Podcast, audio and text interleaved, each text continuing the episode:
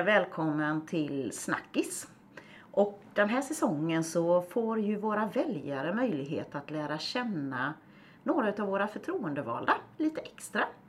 Och eh, just nu så spelar jag ju in avsnitt här med eh, vad ska man säga, våra kandidater till riksdag och regionlistan.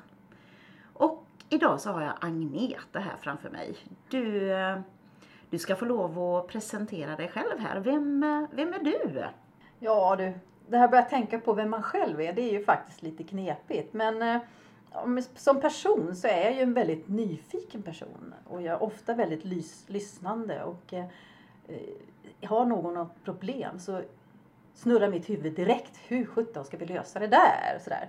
så jag är ju en rätt drivande person och i eh, politiken som jag nu har hållit på med i nästan 30 år så eh, uppfattas jag ofta som väldigt påläst och sådär.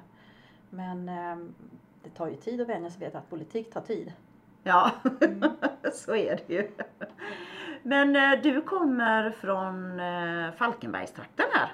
Ja, just nu mm. sedan 30 år tillbaka så bor jag i Bobergsby då med Claes, min man och eh, vi har två utflugna barn och jag har faktiskt min mamma 86 år som också bor här i Falkenberg och det är ju väldigt härligt att ha en pigg mamma och en bra förebild eh, så nära sig.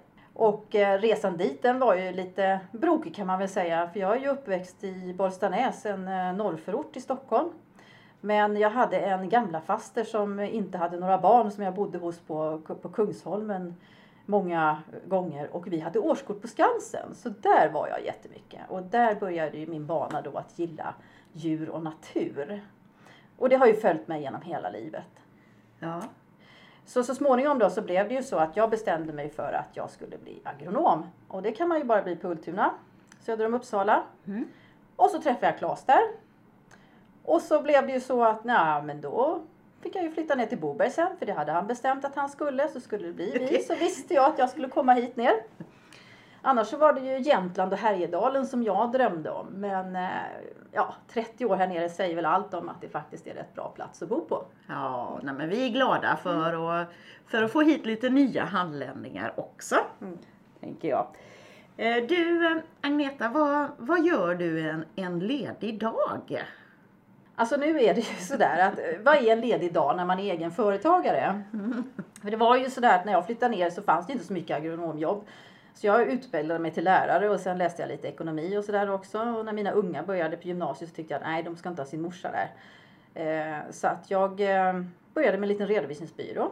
Och min man är ju IT-företagare. Och sen har vi ju ett lantbruk då. Som idag är mest häst. Men eh, alltså bor man på en 1800-talsgård så har man ju alltid någonting att peta med. Och jag bor ju faktiskt vid Susån och det älskar jag ju för jag badar ju i princip varje dag. Mm. Inte nu på ett halvår här, jag har inte gjort det på grund av att jag har genomgått en cancerbehandling. Mm. Men mm. annars så badar jag för det mesta. Och trädgården gillar jag ju. Och vatten är ju jättehärligt överhuvudtaget. Eh, vi har ju många vänner och så. Och jag gillar de här små enkla utflykterna eller det lilla kalaset eller spontant som Klas då, som lagar mat av min man. Han har, nej men nu har jag lagat lite mycket mat så ringer vi några grannar och kollar om de är lediga och så kommer de och så tar man lite snack och är ihop. Mm. Jag tycker om sådana små spontana vad ska jag säga, uppehåll i vardagen. Mm. Eh, och jag tycker det är rätt skönt med en helg eller en kväll som inte är uppbokad men den fylls ändå av någonting. Ja, ja. Det tycker jag är det bästa. Man ska ha en lagom full almanacka men en hel del ledig tid också för spontana händelser. Ja. Du, du nämnde det här eh, att du uppväxt i Stockholm och sådär och gick på Skansen eh, och började tycka om varför blev du centerpartist? Var det Skansen eller? Alltså det kanske det var. Fast jag, jag har inte tänkt riktigt så. Men när jag blev lite äldre då, när jag kom upp i 18-årsåldern och skulle börja rösta och sådana där saker. Så, alltså natur och miljö har alltid varit väldigt viktigt för mig. Och eh, det var väl kärnkraftsfrågan som egentligen var den, den stora grejen som gjorde eh, att jag röstade på Centern första gången. Till, till min familjs stora förvåning då, för jag är ju uppväxt i sossekretsar då. Men eh, jag har faktiskt lyckats övertyga en del på äldre dagar. Men sen var det en sak till också som mm. för mig blev så bra, det här med Centerpartiet. Och det var ju det här att jag upplevde att Centern verkligen var en folkrörelse. Ja. Och i och med att jag tror på människors förmåga och jag är sån här liten obstinat typ så säger någon att ja, men nu ska vi göra så här. då funderar jag alltid på, finns det någon annan väg dit? Och därför så tycker jag liksom det här äh, samhället som vi levde i på 60-70-talet var ju väldigt mycket alla ska göra samma saker, man ska göra samma saker i skolan och, och det var mycket sådär. Och jag, jag är lite sådär att det som är rättvisa för mig är inte säkert att det är rättvisa för dig. Utan det handlar ju om hur man upplever saker och ting. Och Centern var ju väldigt öppen på att tro på människors förmåga. Ja. Och det tycker jag är väldigt centralt. Så jag, jag kämpar som bara den för att Centerpartiet ska fortsatt vara en folkrörelse. För det är jätteviktigt för mig. Ja. Mm. Vad är det som har liksom drivit dig? För du, nu har du ju då berättat att du har både egen företagare och politiker och sådär. Vad, vad är det som driver dig? Alltså det är ju det här hela tiden, alltså att se att, att saker och ting förändras. Om jag ser att människor mår dåligt eller om jag tycker att ja, men det där är ju galet, det där kan ju inte vara rätt. Eh, Jag är ju naturvetare och då är man ju så här, man söker och kollar, ja men är det här verkligen rätt? Och jag har ju upptäckt väldigt många gånger då att eh, jag vet, ekonomerna på det första jobbet jag hade, Mm. de sa nej men så här kan vi inte göra för skattereglerna säger si och så. Och så kände jag nej men det här kan inte vara rätt. Så jag läste ju ekonomi sen. Och jag hade ju rätt va.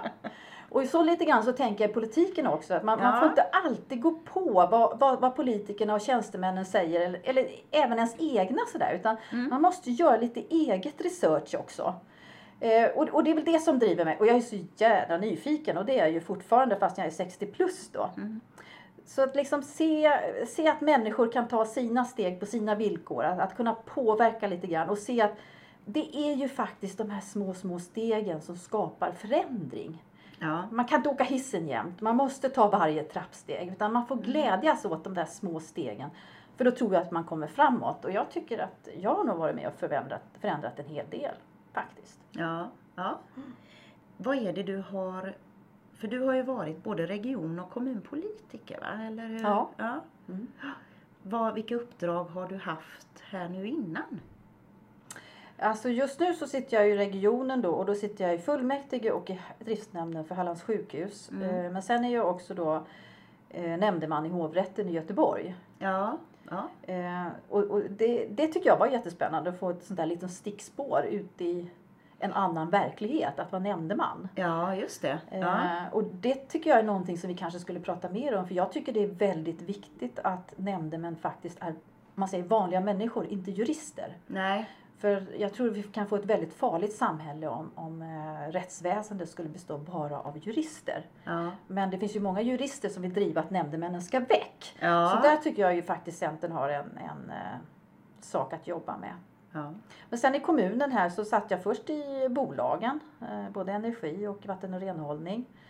Eh, var med faktiskt och såg till att Viva blev Varberg Falkenberg. Ja, För att eh, vi insåg ju naturligtvis att vi, vi kan inte få tillräckligt kompetenta människor att jobba i organisationen om vi inte blir lite större. Nej. Och det är lite svårt om man är centerpartist, där man ska decentralisera och få det så långt ner som möjligt. Besluten Ja. ska ju vara så nära som möjligt. Men ibland får man ge avkall på det där. Men man får ju se till att organisationerna ändå blir så att det berör människorna på, På rätt på rätt nivå. Ja. Ja. ja.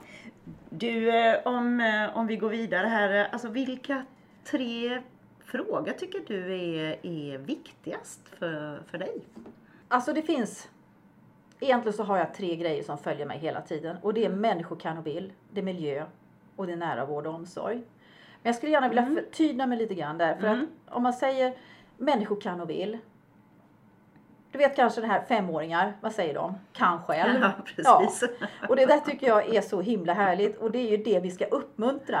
Men varför slutar man vara femåring? Ja. Och då tänker jag så här liksom att ja, men man måste ju få ha kul och man måste få göra saker man gillar och man ska inte vara förträngd av olika saker.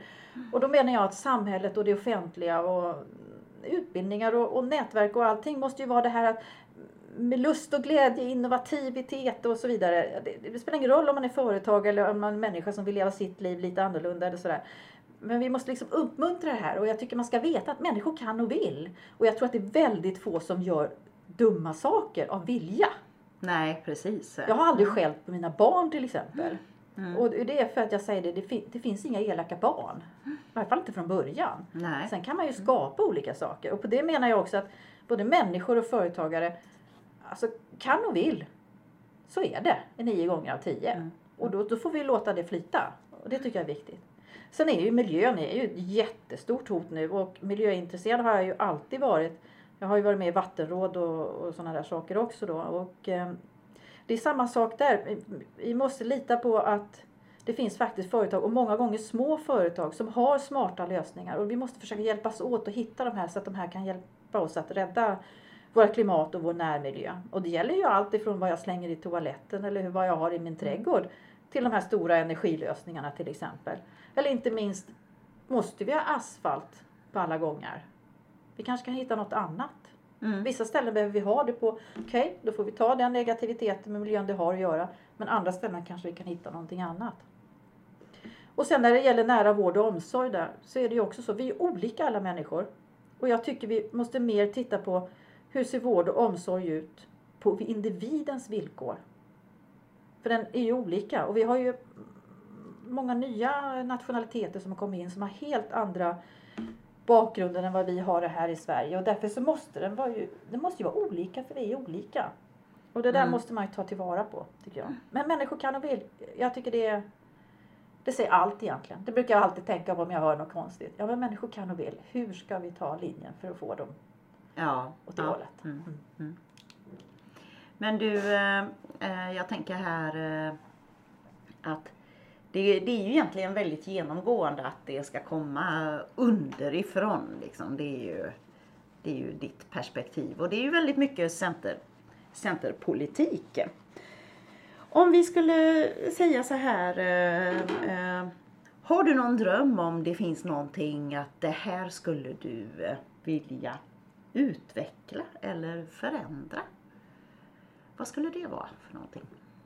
Alltså nu har jag hållit på så pass länge och, och jag är faktiskt relativt gammal också. Jag är på döhalvan som de säger. Men, men jag känner ju ändå att jag förändrar hela tiden bara jag ser de små stegen så ser jag att jag hjälper till att förändra precis hela tiden. Ja. Och det var ju 30 år sedan jag började med det här uttrycket gräv där du står. Nu är det ju så jättemånga som gör det. Mm. Men, men, jag har gjort det hela tiden och just som jag säger det här man, man är så ofta att man vill greppa över så mycket och så blir man besviken för att inte man når dit.